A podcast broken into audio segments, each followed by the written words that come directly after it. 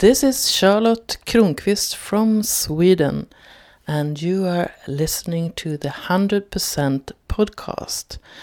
It's a podcast where most of the episodes are in Swedish, since I'm from Sweden, but now and then I meet a person, a 100%er, that I want to share with you who are listening. And this time I met a woman in India the first time I met her was in Israel in autumn 2016. And when we meet, it's February 2017, and we are in Arambol, Goa, India, where Catherine Churchman lives since more than 10 years, I think. Today, Catherine is a therapist and counselor and she knows a lot about where life can take you since her life changed totally when she had a severe car accident some 20 years ago.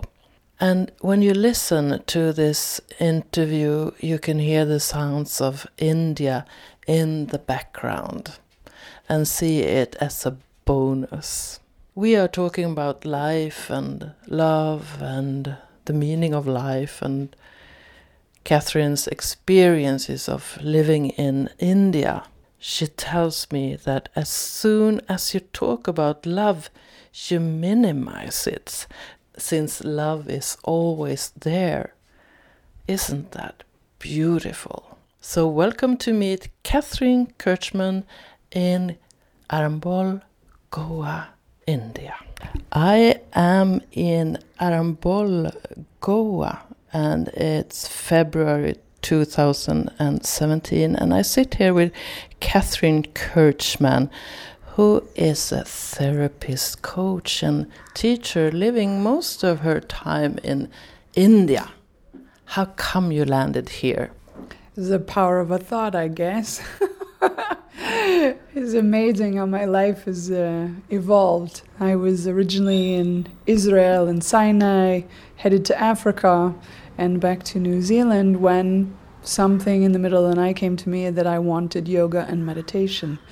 And I realized that I wasn't going to get that in Africa. And so I went back to Israel and changed my flight to India. And it's almost 13 years now that I've been here we have met uh, the the last few days and taken some some tours on the scooter and and you said I speak Hinglish. so Hinglish is uh, what I call the language of India, which is Hindi, the native language, and English, which is also the second lang national language. So Indians have a funny way of tilting their head and enunciating differently than we would in American or British English. So it's quite quite comical. Is that something that happens uh, that you need to like adapt to when you come into this great continent? Yeah, for sure, because you don't understand what they're saying to you. Between the head wobble and their English, you just they say, huh? You kind of scratch your head, especially coming from the United States. And, uh, I have a certain way of speaking English. So uh, yeah, I took some. Now I'm speaking Hin. Now I, now I'm speaking English, madam. so for you, uh, blonde American living in, in in the middle of Goa in India, what has that done to your life? I think it's turned it upside down. literally. Yeah, literally, literally. I mean, I feel a bit like a rare bird in a exotic uh, zoo. What bird are you? Peacock, probably. probably peacock, with many colors. She's hiding it, and then uh, sometimes she gives a show. I have the idea that you somehow here in India got a grip of your life purpose. Yeah, for sure. I think uh, originally I was a traveler, explorer, you know, more on the outside. I wanted to travel the world and be a photographer for National Geographic, but instead I, I came to India and I wasn't in such good health. And so I couldn't do all these outdoor activities that required a lot of power. And instead I climbed my inner mountains, I say my, my inner Everest, and I explored a lot of my intuitive realms, my spiritual realms, and different levels of consciousness. And you can use that in your profession as well? Oh, absolutely. I think that might be something that I'm offering that other people don't have, or maybe few people have, because I've devoted pretty much 100% of my attention to going inside for the last 20 years. I have followed you on Facebook the last six months or something, and part of that was really following you on a on a journey to the south of India, where you had a lot of adventures and kind of dived into India. Could you tell me something about that? Well, I mean, India is always uh, full of surprises, and when they have their marketing slogan as "Amazing, Incredible India," it's it's very accurate because you never know from one day to the next what's going to happen, or let alone one moment when you walk out the door what's going to happen. So I was on this motorcycle journey just okay, I'm going from the north of India, then I go to Goa. I have approximate amount of time it will take, etc. And then I just took a left turn and ended up going to South India with without it being my plan and no idea where I would stay. I had a, a general idea, but then it just evolved spontaneously, and that's what's so beautiful about India. Do you think that you get some kind of help finding your way? Oh, absolutely. that is without a doubt clear in India. I think it's a special place in all the world that I've that I've traveled to so many countries, but I come again and again because there's something else that's happening in India that I can uh, somehow touch and experience more than in uh, in the Western country or in South America. It's always present. It's always happening, but something is definitely special in India. Is it tangible? Yes and no. I mean, it takes practice, doesn't it? So, yeah, I would say the longer I've been here, the more tangible it is, or maybe I'm much more uh, finely tuned, my instrument of my body, mind, and and uh, heart to feel when I'm really connecting with that divine guidance or the other realms that are available or or the I don't know. It's really a bit challenging to explain because it's it's more a felt thing. You live in, and we are in a country uh, where people are all from super poor to super rich, and their ideas around religion varies a lot. And there's everything from superstition to I don't know what's in the other end, and as I heard it when we were speaking before, it's like you are investigating what happens in a country where you have all this at the same time. What can a Westerner get out of seeing, for example, a superstition or something else? You were talking, for example, about like a spiraling uh, thing that helps us to grow more and more wise, maybe?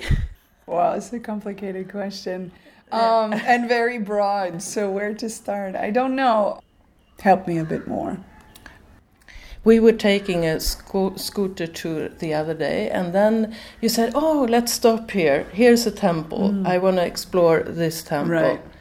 And then at another place we stopped. Oh, here is something Sufi. Uh, mm-hmm. Uh, this is close to my heart. I want to honor this yeah. and then we went to other place so it feels like you are like like taking in a mm. lot of mm-hmm. these original things that are and make something out of that mm-hmm. from yourself like you're a modern investigator in old religious habits and to right. feel what what's there now what's okay so i think for me it's a very interesting story because I grew up in a very religious, uh, born again Christian family, so very right wing, and my mother was very fanatical.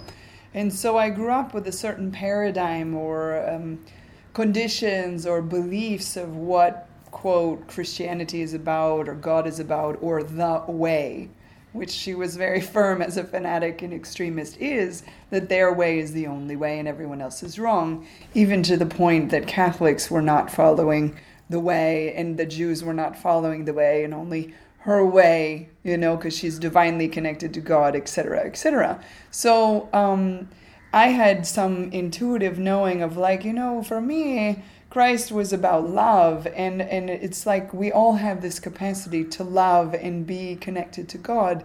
And so I think my time in India and even before with indigenous cultures in Peru and New Zealand gave me um, a different background. And I very much connected without effort to the shamans in Peru and the Maoris in New Zealand. And in India was just like Pandora's box because there's there's so many gods, there's so many religions, there's a temple under every tree practically. God is very in the belief in God or the practice of honoring gods and goddesses or the unseen or the all powerful is everywhere. Especially if you have a, the slightest bit of interest, which I'm totally passionate about spirituality.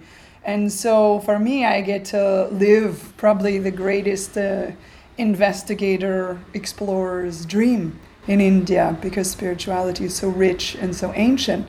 So it can be from going to a temple. Like for me, I just enjoy to go to any temple. It can be a Catholic church, it can be a Jewish synagogue or a Muslim mosque or a Hindu shrine or the Buddhist. Like wow, you never you never get tired here. And so I think there's something about me also and everybody has it, but I know now that I'm quite gifted in my intuition and my kind of felt sense um, from other things in my life that, that I practice that help me to connect deeper to that, that I can feel or I just intuitively, I told you I was on this road. I've 13 years I've come and gone to this place, but I never saw the Sufi shrine until I was with you. And because we were going so slow, somehow I was looking and it's bubbling much more this thing about Islam and particularly Sufism, which is predom- the predominant form of Islam, that wow, I want to go to this this this shrine and, and look and feel. And so I think that there needs to be a shift in, in people's perception of religion and spirituality and going more towards the heart, that it is all one. God is all one. It just has many forms, like different languages in a culture there's there's spirituality and the form of religion is like a language for spirituality specific to a certain region. And and if we change this paradigm in our point in our mind from and we are, are become more aware of our conditioning that limits us then life is so beautiful because god is present all the time. And and i think i have had a lot of experience with that in india and and that's part of I think why I'm still here. Because I I cannot get enough of this food, right? You have a special interest in uh, sexuality and relationships and and love and so on, and at the same time we are in a country where it's really difficult to be a woman especially when it comes to sexuality and so on. How do you handle that?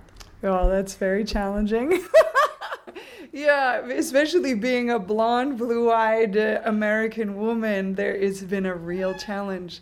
I think, again, here my sexuality is not so expressed as it is in the Western world. In Goa, which is where I've been based for the last 12 years, it is possible to live it a bit more. And that's part of why it's been my home because of the Catholic society and there's more freedom. People can wear bikinis, you can go to parties and alcohol. There's they it was owned by the Portuguese, so it is quite Western, but it's still quite India. Um, the challenge is when I leave Goa and go then to Hindu land or Islamic land or um, just different places that I have to adhere more towards the culture and cover myself up, um, you know, be more respectful. And I also appreciate that because it makes me realize what the freedoms I have had as a woman, um, especially an American woman, the freedom that I even have as a Western European descent, like just the freedom we have. So I don't take it for granted as much as I did when I first came. You know, I was very wide eyed and innocent and yeah, it was very different. And I'd say the longer I've I've been in India, I on one level became more conservative on the exterior with my clothing and behavior, and and then on the other side, more deeper rooted in the ground in the ultimate feminine and the divine feminine, and that is not necessary for me to be so free and liberal on the outside you know, with the freedom to be topless on the beach or wear, you know, cleavage or whatever, but it's inside is more and more important to be free is more important to be connected with my feminine and my masculine and feeling the depth of my sensuality and sexuality, but it doesn't need to be shown. So I think, particularly in America, we've got it mis- misaligned, right? That freedom is to, to just be in Hollywood or to prostitute pornography or this sort of thing, and it's not really freedom, or freedom is choice. No, freedom is actually really feeling deeply into yourself into all that that is and to continue to discover what that is. That's freedom. There's no limit inside. Wow, that's a really nice idea of freedom, and I guess it would serve many people to to feel freedom like this. Because many says freedom is the freedom from or to or uh, like a more masculine uh, like way of pointing this is my right this is yeah but then to see that oh it's all there mm. if you want to look at it feel it or feel a sensation of it or whatever to, to get to the point where you feel that you are free what part has meditation well, I, I, I, would, I, you took the words out of my mouth. I was going to say that really the truth is that really comes through meditation. And um, so, because it, there's the many levels of the freedom, right? And so we just spoke about sexuality, but again, I think at the core is that we are always free. And in the meditation, you one learns um, how the mind and the thinking is limiting everything. Or the false beliefs from our parents from our culture from our religion etc you can begin to question and begin to investigate.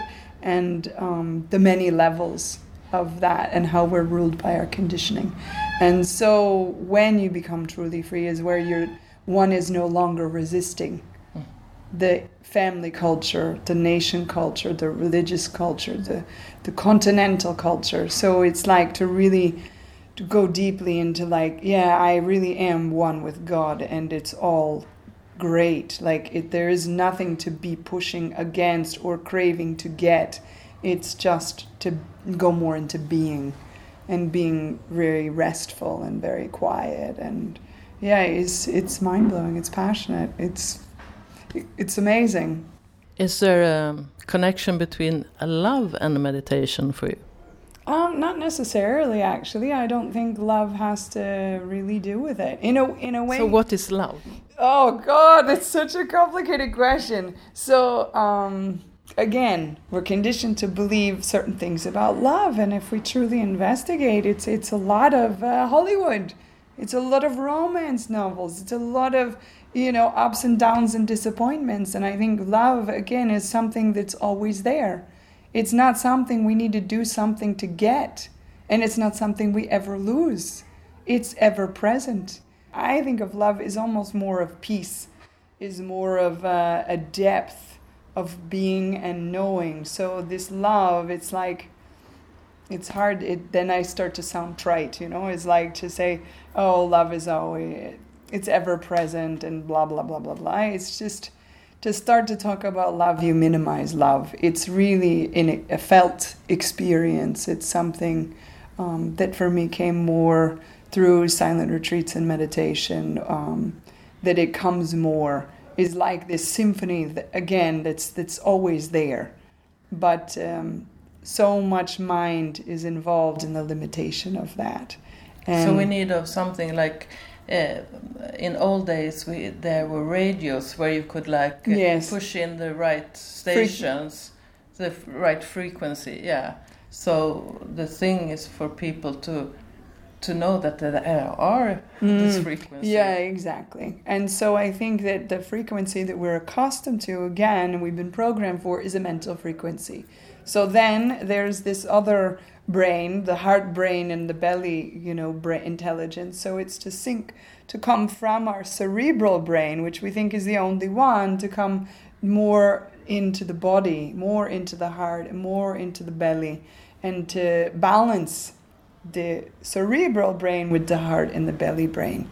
And when we're integrated and the energy is flowing up and down, it's it's more it's much more balanced. So you know without knowing. So you you feel, and uh, is going more with the intuition and uh, trusting and living more from living from your heart and living from your other intelligences. And so this, yeah, this really helps.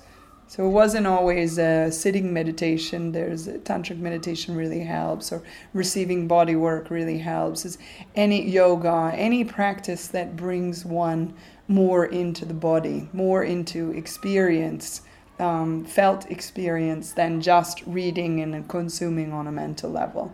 Because, yeah, this is uh, again we are conditioned that that that's the way. But I think uh, really we need to go a bit further to the other side of that into more intuition and felt. You see, I smile a bit, and that's the reason why is that you answer the questions uh, that I was about to ask you. So this is really flowing. so, so let's say there comes a client to you who is really much into his or her mind mm-hmm. and wants like a solution from that level how can you help that person to to dive into something else that might be more true. Well i think something really simple but might be very challenging for the client would be to just sit to just sit try to sit comfortably and like hold their belly, hold their heart, like come to the breath, come to the sensations of sitting, and and it will be very difficult because the mind and then wanting to know and oh the dis I, the judgment and the criticism, it can't be that simple. But actually, it is really simple to just sit quietly under a tree or sit on a park bench or sit on the subway, but to, to come more into the physical body, right? Not the brain the body. Is it all the answers? We have it all inside of us. It's just about learning to relax in a way, take the time to listen to the technology that we have. The frequency is there all the time, it's never not there. But just to create a new habit, it's instead of going to the physical gym, we're, we're going to the spiritual gym. Let's go inside, right? To the heart muscle to me it's also important to to really take in your physical body in this so part of the like inner work is also connecting uh, myself to my body and feeling the sensations in my body how is it for you it's the same i would say i i was um, the blessing out of, uh, of a curse was I had a car accident 20 years ago. So I had a lot of debilitating pain and I couldn't really do anything. I lost my job, I lost my, my career, I lost everything. And what, what I gained, now it's 20 years later, I can say I gained a lot, but, but I spent a lot of time with myself. I spent a lot of time on the couch or on a yoga mat or just lying down and feeling myself, feeling my body, feeling the pain, and working with pain and um, the breath and the mind to learn like the relationship between the body and the thoughts, the emotions, and and uh, how to learn to become and how not to resist and how to learn to relax and accept things as they are. And um, yeah, it takes work. So, who were you 21 years ago? same in India we say same same but different. I love this saying because it's true in in one essence my personality still is is the same from my teenage years to my late 20s to now my mid to late 40s. And um, but on another level there's a, again a wholesomeness and a depth and that maybe was budding, you know, or was the seed was there and now is more flowering. And I think that yeah, the experiences that I had in life really allowed that. And I think this is also something that can change is that we it's about our point of view. So the things that happen to us, maybe we lost this job, our marriage broke up, or we gained weight, or we have an accident or ill health, like how we choose to view that affects everything. So there were I won't lie that for many many years I was very angry, I was miserable, I was just wanted it to be different. But actually, that point of view brought a lot more suffering. And when I start to change my point of view and accept things as they were and say, okay, what can I learn from this situation? Okay, my partner left me, but but maybe I didn't want them in the first place and I wasn't honest about that. Or oh, the issue I thought that I uh, had with my boss, actually that's me. I'm I'm the jerk. I'm the one who's angry and criticizing. It's not them. I mean, it's really we can use everything. So I think that's something I really got skillful at is around saying, "Okay, this this um, I'm with I'm the student of life, right?" And so I think that I can help people to be the student of life, and by changing the point of view to say, "Okay, whatever is, I want to learn." Instead of fighting against it, it's happening because I need to learn something or I want to learn something. And yeah, it's actually quite easy once you change the point of view. I often say it's uh, that I need to own my stuff, own my anger, own my projections, own it, and see this. If I get pissed by you for some reason, it has not to do with you. It's something in right, me exactly. that is triggered. But to start owning mm-hmm. that, that is really for many people a for tough sure. process sure. because we've been learned that everything is due to everybody else except ourselves. So, so I, I came to think about Jill Bolte Taylor. She's an American who got a, a half of her brain was out in a what is that sickness called a stroke mm. the left hemisphere kind of died and she is a neurologist mm. and she was awake the whole time and she like when she began to wake up more it was like she was a little little child so she had to relearn uh, the intellectual mm. uh, hmm. side as from making jigsaws, you know, like a one-year-old and so on. And she could see that when when we're in the right brain, we are happy, we are floating, we are meditation. So for her, it was really difficult to choose to to go uh, to to wake up the left hemisphere, but she did it because she knew that she could teach about it later. Mm. So she could really feel this, yeah. So what I mean is when you had that car crash, it was a disaster or catastrophe at the moment, but then it has created this love, life mm. and this these kinds of opportunities and the possibility to go in. Mm. So for me, it's really hard to say that something is bad or exactly. uh, good because it's like part of your yeah, path. Yeah, exactly. I had to say my I had a chiropractor before the accident and I went to him immediately after. And he told me, he said, You know what, Catherine, this may seem like the most horrible thing that's happened or the greatest crash of your life, but I dare say that it may be the most profound experience of your life. And and sure enough, like I hated him at the time when he said that I was very angry, you know, who do you think you are? I didn't say that, but inside, but over the years I have to say as it developed and evolved, and especially 10, 15, 20, now 20 years later, I met him again here in India, and I said, Thank you so much for saying that because that one sentence profoundly stuck with me in my life. That is like, it, this, this can be, this is the greatest thing because it allowed me this life that I have now and and what I feel right now I would not I don't have any regret I wouldn't change it one bit. And um, I, I'm very grateful. But there were many, you know, a decade at least where I wasn't. So I won't uh, lie to anybody that I that I wasn't angry and I wasn't miserable. Oh yeah, I was. That it was a very hard road, but at some point, um, it accumulates whether it's the pursuit of the divine or whether it's your pursuit of your knowing who am I, what is life all about, eventually you reach kind of a critical mass where it just starts snowballing. And I couldn't stop this if I wanted to. Yeah, and I don't. so if you look in the crystal ball like five years ahead, what do you see then? I'm okay with not knowing. I think that's it really it's so American this for me this uh, five year plan because uh, in India part of it is because I've been in India for a quarter of my life. They don't plan in this country, and anytime I made a plan, it it just was a disaster, and so makes me yeah it's it's really hard for me. But if I say five from years from now. I don't know, and actually, I don't want to know because I'm I'm limiting. I'm limiting everything because who I am now will not be in even a few months, let alone six months, one year, five years from now. I will be someone else.